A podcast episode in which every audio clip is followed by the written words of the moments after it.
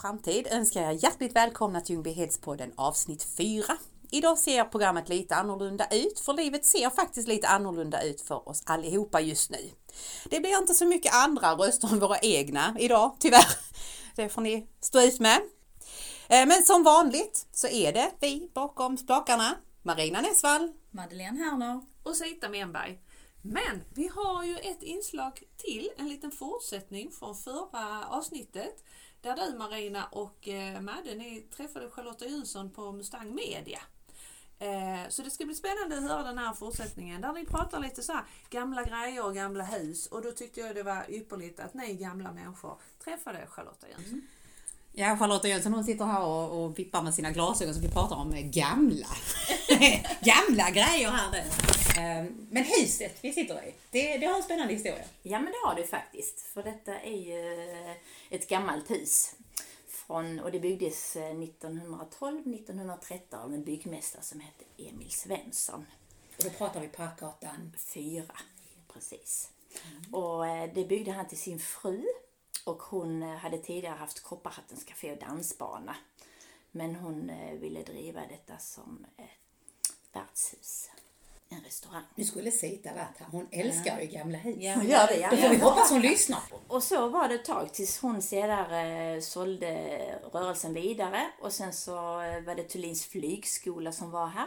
Så att de hade detta som mäss för flygelever. Eh, Och sen såldes det vidare till lite olika krögare.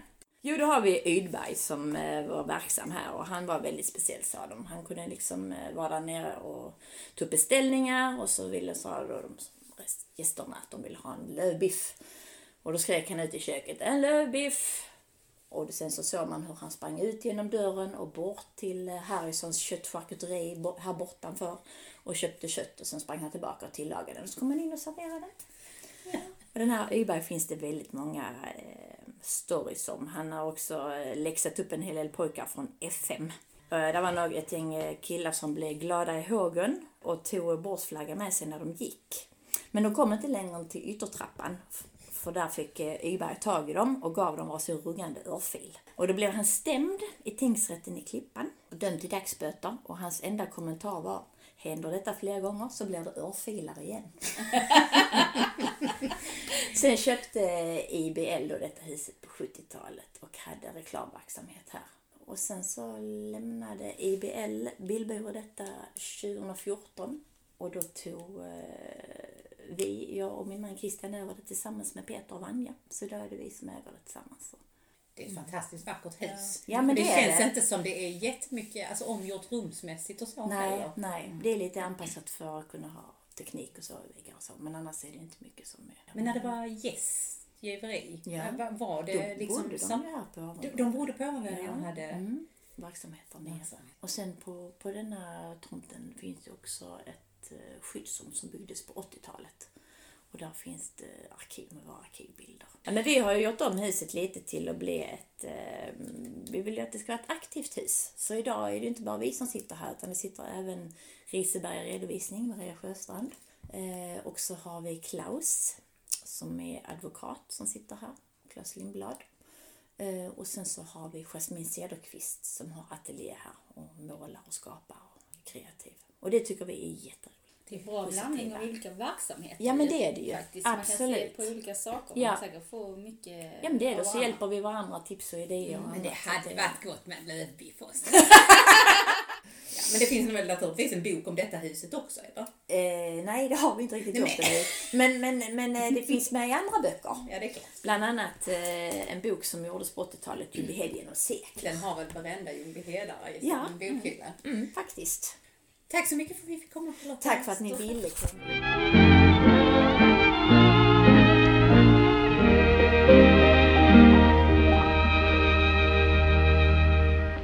Nyheten om att Länsstyrelsen vill stänga restaurangen i Skäralid har nått oss. Vi ser detta som mer ett bakslag än framtid faktiskt, då restaurangen funnits där långt innan vår nationalpark. Ja, den har ju funnits när jag var liten. Ja, det är ju länge sedan. Ja, håll tyst. Personalen har givetvis startat en namninsamling på nätet som man kan skriva på om man vill hjälpa dem, stötta dem. Och eh, det är ju inte så konstigt, det handlar om deras jobb ju. Det hade ju jag också gjort faktiskt. Jag har skrivit på. Jag har också skrivit på. Eh, Vi kommer att forska lite mer i detta i kommande program. Något vi också kommer att återkomma med är faktiskt LIFs klubbstudie. Långkörare. Det är en riktig långkörare säger jag. När ska det bli färdigt? Ja, det undrar man varje gång man är ute och går. Ja, Men det händer lite där nere nu. ja nu är ju bodarna i alla fall uppe. Men Hans Bertil sa ju första april i podden. Det Kommer kan ni vara ihåg ett skämt. Ja, det kanske var ett skämt. Satan, jag gick på den. Eh, Men vi ska få veta lite mer från Hans Bertil när han har fått veta lite mer. Så i kommande program så tar vi med om Elevs klubbhus. Det är ju trevligt att Hans-Bertil Sinclair som är vårt kommunalråd, det är ett stående inslag. Han kommer säkert att vara med eh, flera gånger. Men hör ni tjejer, jag är något på spåret. Mm, nu ska ni få höra. Nu spårar hon ur igen. Ja, som vanligt. Inne på gamla FM-området, om ni tar er ner mot eh, husarlägret, så har många undrat vad gör de nu? Nu fäller de mer träd och de gör något markarbete. Och nu har de inte fällt träden bara för att flygplanen eh, ska ha lättare för att flyga in, utan det här är en spårdragning. Nu ska dressinspåret dras in på gamla FN-området och det är ju verkligen något eh, positivt. Var ska det landa då? Eh, dressinen, var ska den landa? Men var, var det är fram till, till Ja, det är det. museet? Det Eller är nej? det vi ska återkomma till. Det oh! Hur långt ska spåret gå? Och det är ju föreningen veteran, ja, oh, Veteranjärnvägen. Det var inte lätt att se. Säg det Det snabbt blir en uh, urspårning. Det kan man sysselsätta sig med hemma och säga veteranjärnvägen flera gånger för att ha lite roligt i dessa isoleringstider. Men vi återkommer såklart om detta projekt. Spännande tycker jag. Men något som faktiskt har genomförts i vår by här, det är att vi har blivit upplysta i Stadsparken. Både multiarenan har fått belysning och eh, gångarna runt omkring. Så nu så kan ni ju träna även, nu är det ju faktiskt ljust länge, men nu kan ni ju gå och träna klockan 11 på kvällarna. Då slipper ni ju träffa någon annan i alla fall, för nu är vi upplysta.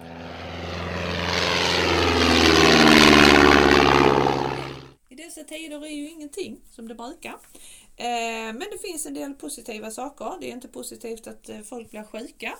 Men nu har man faktiskt gjort om i Klippans kommun, så Rickmansgården här i Ljungbyhed har man ju eh, byggt om för att det skulle bli ett korttidsboende för äldre. Men istället nu gör man om snabbt, man eh, iordningställer det för att eh, bli ett boende om det är så att folk blir smittade, om äldre människor blir smittade av covid-19 så kommer de till vara där istället. Och det är väl positivt att man kan tänka om snabbt. Eh, något som vi kan läsa om på kommunens hemsida också. De är ju bra, de uppdaterar ständigt.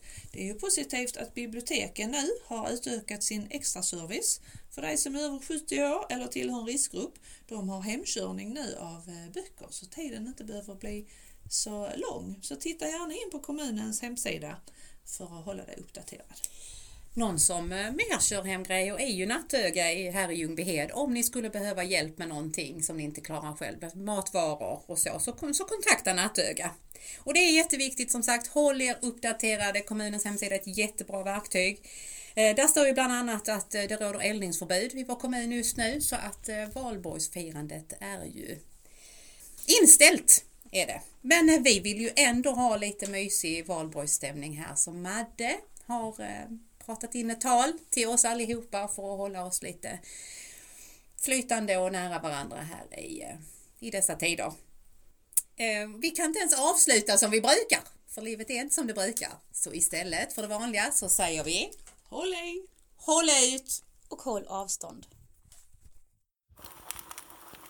Det är härligt med valborg på många vis. Men varför tänder vi brasan? Genom århundraden har man haft olika skäl beroende på vilken kultur man har. Några trodde att man skrämde bort onda andar och mörka krafter genom att tända en stor eld. Precis som en lägereld håller borta rovdjuren. I bondesamhället tänkte man mer praktiskt. Där eldade man upp grenar och bråte man ville bli av med i vårstädningen. Idag firar vi vintern är slut. Kylan och mörkret släpper sitt grepp om oss. Våren är här och naturen vaknar och föds på nytt. 2020 tänds inte några allmänna brasor på grund av covid-19 och ett eldningsförbud. Men brasan i år får symbolisera en nystart. Ett omtag om viruset som skördar liv. Den får symbolisera att vi ska besegra viruset och att vi snart ska kunna krama om varandra igen. Så som Jill Johnson skrev, så fint. Njut av självensamheten, så ses vi sen.